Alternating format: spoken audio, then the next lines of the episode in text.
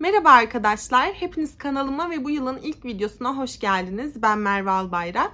Bugün sizlerle birlikte başlıktan da görmüş olduğunuz üzere son derece garip ve akıl almaz detaylarla dolu bir olay hakkında konuşacağız. Ama öncesinde eğer sizlerin de bu şekilde benden anlatmamı, bu kanalda yer vermemi istediğiniz olaylar varsa her zaman için Instagram DM yoluyla benimle iletişime geçebilirsiniz. Ayrıca benim bu videoda yer vermediğim bir bilgiye sahipseniz veya ben olayları anlattıkça kafanızda bir şeyler şekilleniyorsa olursa mutlaka kendi düşüncelerinizi de yorumlarda bizlerle paylaşmayı ihmal etmeyin.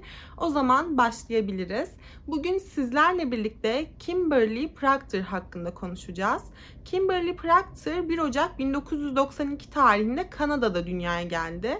Kendisi tam bir hayvan severdi ve ailesinin, çevresindeki insanların söylediğine göre son derece nazik, sessiz, sakin bir kızdı. Fakat şöyle bir şey vardı ki Kimberly'nin kulakları böyle birazcık kepçeydi. Yani kedi kulağına benziyordu. Ve bu yüzden de gitmiş olduğu okullarda sık sık akran zorbalığına maruz kalıyordu. Çünkü kendisinin ayrıyeten hiperaktivite bozukluğu da vardı. Yani bu da onun davranışlarına birazcık yansıyordu. Öte yandan arkadaşları tarafından zorbalığa uğraması ve yalnızlaştırılması ciddi anlamda onun karakteri üzerinde de etkiler bırakmaya başlamıştı. Ailesi bu noktada bir çıkar yol aramaya başladı ve Kimberly'nin okulunu değiştirmeye karar verdiler. Yani Kimberly'nin kendisi gibi özel çocuklarla aynı okulda okuyacak olmasının ona da iyi geleceğini düşünmüşlerdi. Onun en azından bu çocuklara biraz daha uyum sağlayabileceğini ve sosyalleşebileceğini düşünmüşlerdi. Ama bunun çok büyük bir hata olduğunu farkında dahi değillerdi. Çünkü Kimberly Pasifik Ortaokulu'nda eğitim almaya başladıktan sonra evet ilk başlarda her şey oldukça olağan görünüyordu. Çünkü tam da kendisi gibi uzun zamanlardır akran zorbalığına maruz kalmış çocuklarla aynı ortamdaydı. Ortak dertleri, ortak sıkıntıları ve ortak sorunları vardı. Yani onu gerçekten de anlayabilecek arkadaşlar edinebilirdi. Fakat bu noktada Kimberly de kendisine zarar verecek insanlara yönelmeye başladı. Kimberly okula başladıktan çok kısa bir süre sonra üçlü bir arkadaş grubuyla tanışmıştı. Bu çocukların adı Cruz, Cameron ve Zack'ti. Hatta çok çok kısa bir süre içerisinde Kimberly Zack'le romantik bir ilişkiye başlamıştı. Yani baktığınız zaman ikisi de ergenlik dönemindeydi ve yani iki farklı cins olarak farklı bir şekilde yakınlaşmaya başladılar. İlk başlarda Kimberly Zack tarafından anlaşıldığını düşünüyordu. Yani kendisini ona bir şekilde açıklayabildiğini ve ortak noktaları olduğunu düşünüyordu. Fakat daha sonraki zaman içerisinde Kimberly, Cruz ve Cameron'la daha yakın olmaya başladı ve bu iki gencin kendisini daha iyi anladığını düşünmeye başlamıştı.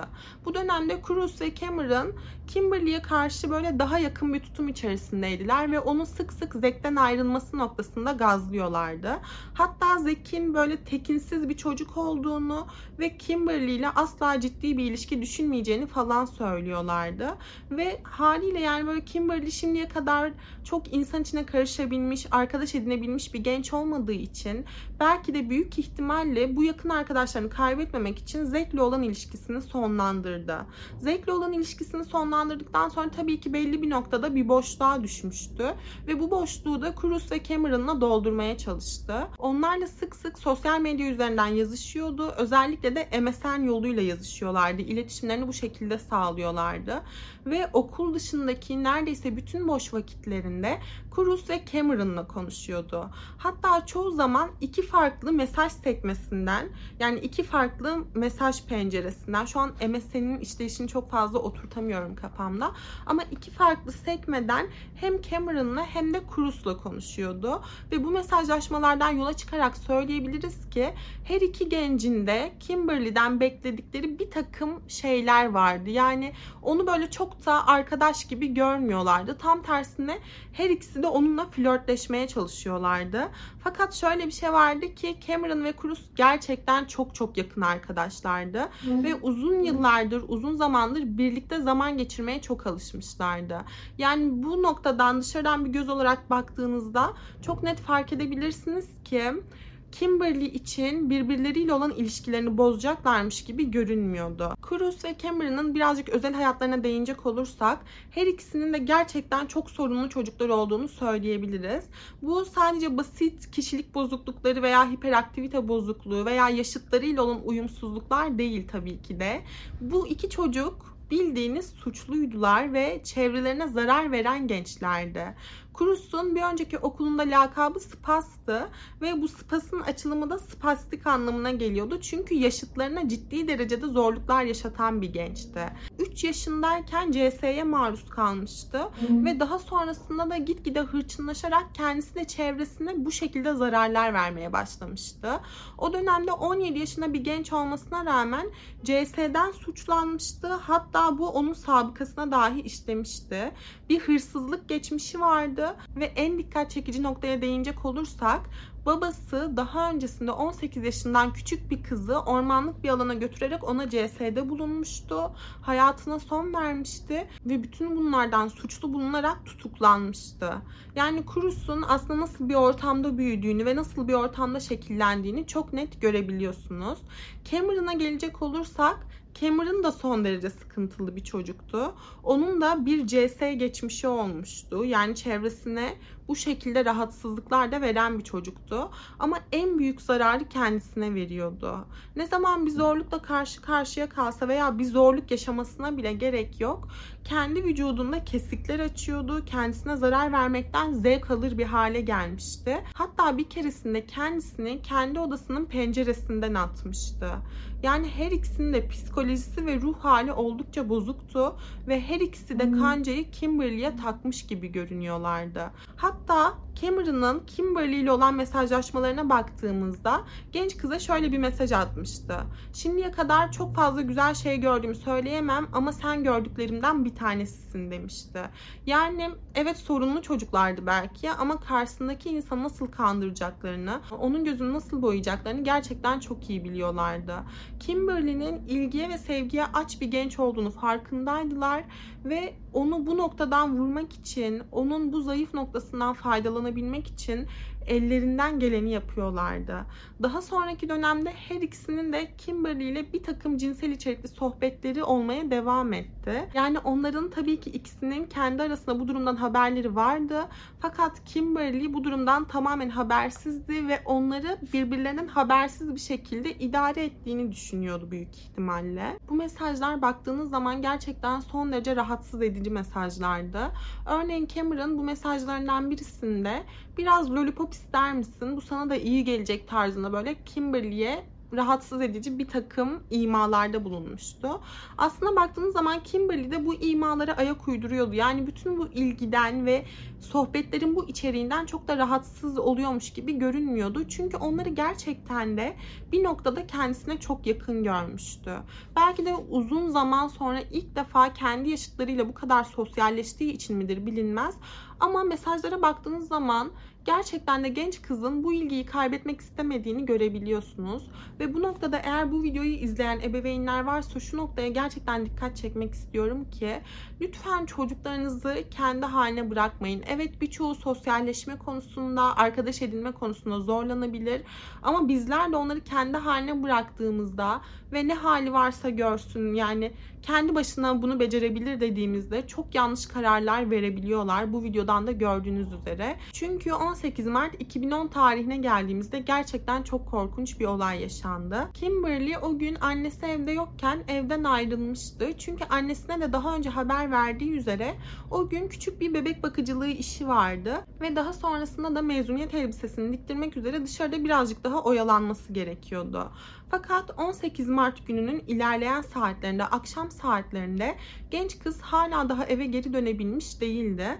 Bu durum gitgide annesini şüphelendirmeye başladı ve zavallı kadın gerçekten bu durumdan dolayı rahatsız olmaya başlamıştı.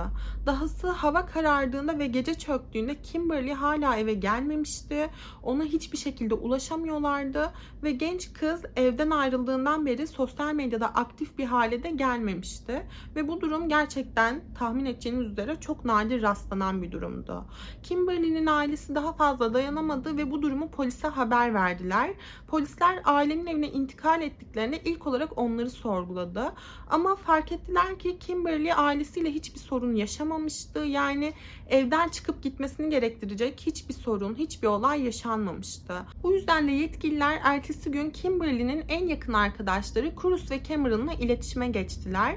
Fakat şöyle bir şey vardı ki her iki gencin de Kimberly'nin başına ne geldiğinden haberi yokmuş gibi görünüyordu. Hatta o gün Cruz her şeyden habersiz bir şekilde başka bir kızla randevuya çıkmıştı. Cameron ise sabah erkenden kalkmıştı. Annesi ve büyük annesiyle birlikte kahvaltı yapmıştı. Yani her iki genç de Kimberly'nin başına ne geldiğinden habersiz bir şekilde günlerine devam ediyordu. Polisler bu durumu incelediklerinde Cruz'un bir önceki gün yani Kimberly'nin ortadan kaybolduğu gün genç kıza bir mesaj attıklarını gördüler. Cruz bu mesajında genç kıza hey bebek bakıcısı işin hala bitmedi mi tarzında takılmaya çalışmıştı. Yani bütün bunlar göz önüne alındığında gerçekten de her ikisinin de genç kızın başına ne geldiğinden haberi yokmuş gibi görünüyordu. Ama Kimberly evden çıkıp birdenbire ortadan kaybolduktan hemen sonraki gün, günün ilerleyen saatlerinde, akşam saatlerinde bir grup genç şehirden uzaktaki bir bölgede terk edilmiş bir köprünün altında bir hokey çantası buldu. Bu çanta oldukça yıpranmış bir haldeydi çünkü ateşe verilmiş ve sönmüş bir haldeydi. Ve gençler birazcık bu çantanın yanına yaklaşıp böyle içerisine bakındıklarında bir şeylerin ters gittiğini fark ettiler ve durumu hemen polislere haber verdiler. Polisler olay yerine intikal ettiklerinde ise çantanın içerisinde bir vücut olduğunu fark ettiler. Fakat dediğim gibi çanta yani daha doğrusu çantanın içerisindeki kişi ateşe verilmiş ve daha sonrasında da sönmüş bir halde olduğu için kimliği tamamen tespit edilemez bir haldeydi. Vücut ciddi derecede zarar görmüştü. Ve köprünün altında bulunan bu kişinin kimliği ancak diş kayıtlarından tespit edilebildi. Ve diş kayıtlarına göre bu hokey çantasının içine konulmuş ve daha sonrasında da ateşe verilmiş olan genç kız Kimberly Proctor'dan başkası değildi. Peki genç kız nasıl bu noktaya gelmişti? Ona bütün bunları kim yapmıştı ve onu bu noktaya getiren şey neydi? İşte asıl soru buydu. Polisler bu noktada ne kadar derinlemesine bir inceleme başlatırlarsa başlatsınlar hiçbir ipucu bulamıyorlardı. Kimberly çevresi tarafından, ailesi tarafından, arkadaşları tarafından oldukça sevilen bir gençti. Kimsenin ona böylesine bir şey yapmak için hiçbir sebebi yoktu. Yani olay aslına baktığınızda durma noktasına gelmişti. Ama tam da bu noktada Kimberly hayatını kaybettikten yaklaşık bir hafta kadar sonra çok ilginç bir olay yaşandı. Kimberly'nin en yakın arkadaşlarından Cruz online oyun oynamayı gerçekten çok seviyordu ve zamanının büyük bir kısmını internet üzerinden oyunlar oynayarak geçiriyordu. Ve Kimberly hayatını kaybettikten hemen sonra Cruz hiçbir şey olmamış gibi internet oyunlarına geri döndü. Ve genç kız hayatını kaybettikten yaklaşık bir hafta kadar sonra oynamış olduğu bir oyundaki başka bir oyuncuya, başka bir kız oyuncuya çok garip bir itirafta bulundu. Geçen hafta birinin hayatına son verdiğini söyledi. Hatta gerçekleştirmiş olduğu bu olayın detaylarını da hiç çekinmeden hatta hava atarcasına karşısındaki kadına söylemeye devam ediyordu. Bu noktada karşıdaki kız oyuncu tabii ki bütün bunlara inanmak istemedi. Yani birisi böylesine bir olayı gerçekleştirmişse dahi neden kendisiyle paylaşma gereği duyuyordu. O yüzden karşısındaki kişinin kendisine kötü bir şaka yaptığını düşündü ve onu bir noktaya kadar ciddiye almamaya çalıştı. Fakat Cruz ciddiye alınmadığını fark ettiğinde oyuna bu sefer Cameron'ı davet etmişti. Ve Cameron da tamamen Cruz'u doğrulayıcı nitelikte, ona şahit olacak nitelikte bu genç kıza bir takım mesajlar atmaya devam etti.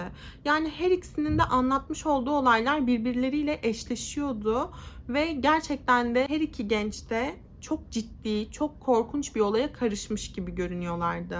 Polisler bu durumu fark eder fark etmez her ikisini de tutukladı ve onların mesajlaşmalarını inceleme altına almaya başladılar. Ve fark ettiler ki Kimberly hayatını kaybettikten hemen sonra her iki gencin gerçekten de genç kız hakkında çok garip yazışmaları olmuştu. Dahası Kimberly ile konuştukları esnada, onunla romantik bir şeyler yaşamaya çalıştıkları esnada, onunla flörtleştikleri esnada bir yandan da birbirleriyle konuşuyorlardı ve genç kızın tam sürtük olduğundan bahsediyorlardı. Hatta ona zarar vermenin planlarını çok öncesinde yapmaya başlamışlardı. Kimberly ortadan kaybolmadan hemen bir önceki gece hem Cruz'la hem de Cameron'la konuşmuştu ve Cameron genç kızı sıkıştırırcasına ona defalarca kez Zack'le ilişkinin bittiğine emin misin? Onunla yüzleşmeni istiyorum tarzında Kimberly'yi psikolojik olarak zoru sokacak bir takım mesajlar yollamıştı. Hatta ertesi gün buluşma konusunda ona o kadar çok ısrarcı olmuştu ki genç kız bebek bakıcılığı yapmadan hemen önce böyle bir iki saatini bu ikili için ayırmak istemişti ve onlarla buluşmak istemişti. Sırf bu aradaki uyuşmazlıkları ve soru işaretlerini kaldırmak içindi bu. Dediğim gibi günün devamında hem bebek bakıcılığı yapacağı için hem de mezuniyet elbisesini diktirmesi gerektiği için bu çok uzun bir buluşma olmayacaktı. En azından Kimberly bunu bu şekilde planlamıştı. Fakat genç kız Cameron'la buluştuktan sonra Cameron onu daha sakin bir şekilde konuşabilmek için evine götürmek istedi. Ve ikili birlikte onun evine gittiklerinde çok korkunç bir olay yaşandı. Çünkü hem Cameron hem de Cruz birdenbire Kimberly'nin üzerine atıldılar. Onun ağzına bir çorap tıktılar ve daha sonrasında da ağzını bantladılar. Aynı zamanda genç kızın vücudunu da tamamen sıkı sıkıya bağlamış bir haldeydiler ve ona neredeyse bütün gün saatlerce CS'de bulundular. Sadece bunu yapmakla da kalmamışlardı. Yani genç kızı bir kum torbası gibi görüyorlardı ve bütün öfkelerini, bütün hırslarını genç kızın üzerinde atmışlardı resmen. Zaten Kimberly hokey çantasına konulup daha sonrasında da ateşe verilmeden öncesinde de neredeyse tanınmaz bir hale gelmişti. İki genç Kimberly ile saatler boyunca uğraştıktan sonra onu hiçbir şey olmamış gibi bir hokey çantasına koydular, bir köprünün altına götürdüler ve tanınmaz bir hale gelmesi için ateşe verdiler. Ertesi gün kimsenin kendilerinden şüphelenmemesi için biri bir kız arkadaşıyla buluştu, diğeri ise annesi ve büyük annesiyle birlikte kahvaltı yaptı. Fakat bütün bunlar bu iki genci durduracak gibi değildi. Çünkü o hafta boyunca tekrardan harekete geçmeyi planlamışlardı. Birbirlerine atmış oldukları mesajlarda şöyle bir ifade dikkat çekiyordu. Cameron Cruz'a açık açık o olmaktan kurtulduk ve başımıza hiçbir şey gelmedi. Oldukça kolay oldu. O zaman bütün bunlara devam edebiliriz demişti. Yani aslında Kimberly ile bir dertleri yoktu. Evet belki her ikisi de onunla konuşmuşlardı. Fakat yine de baktığınız zaman genç kızın doğrudan hayatına son vermeleri için hiçbir sebepleri yoktu. Bunu sadece eğlence amaçlı yapmışlardı. Çünkü Kimberly'nin hayatına son verdikten sonra hemen aynı hafta içerisinde bunun gerçekten de çok kolay olduğunu düşündükleri için yeni bir av arayışına girdiler. Hatta bu yüzden yeni bir kızla bile buluşmuşlardı. Hatta Cruz eski kız arkadaşıyla buluşmak istemişti. Fakat kız neyse ki akıllılık yapmıştı ve onunla buluşmayı reddetmişti. Bütün bunlar ortaya çıktıktan sonra polisler her iki genci de tutukladı ve mahkeme karşısına çıkarttılar. Her iki genç de mahkeme karşısına çıktıktan sonra tabii ki müebbet hapis cezası aldı. Fakat 10 yıl sonra şartlı tahliyeyle serbest bırakılmalarının önü açılmıştı. Fakat her ikisi de şartlı tahliyeyle serbest kalamadı. Çünkü hem Cruz hem de Cameron içeride hiç düzgün davranışlarda bulunmuyorlardı. Sürekli öfke patlamaları yaşıyorlardı. Etrafa sık sık saldırdıkları zamanlar oluyordu. Bu yüzden de yetkililer onların tekrardan sosyal hayatının içerisine karışmasını doğru bulmuyorlardı. Ve büyük ihtimalle bu çocukların tamamen iyileşebilmesi için ömürleri boyunca rehabilite rehabilite edilmesi gerektiğini düşünüyorlardı. Öte yandan baktığınız zaman olan Kimberly Proctor olmuştu. Çünkü ailesi onun sadece kendisi gibi gençlerle sosyalleşebilmesini, arkadaş edinebilmesini istemişlerdi ve Kimberly gerçekten çok nazik bir kızdı ve tek ihtiyacı ilgi görmekti, sevgi görmekti ve bunu da anlayacağınız üzere çok yanlış bir şekilde karşılamaya çalışmıştı. Ve bu yüzden de ne yazık ki henüz 18 yaşındayken, hayatının başındayken ne yazık ki iki genç tarafından olabilecek en korkunç şekilde hayatına son verilmişti. Anlayacağınız üzere bugünkü olayı anlatması benim için çok çok zordu ve yeni yılın ilk videosunda gerçekten bu kadar ağır bir olaya yer vermek istemezdim. Ama bugünlük benim bu video hakkında anlatacaklarım buraya kadardı. Sizler de kendi yorumlarınızı aşağıda bizlerle paylaşırsanız gerçekten çok ama çok sevinirim. Bir sonraki videoda görüşmek üzere. Kendinize iyi bakın. Hoşçakalın.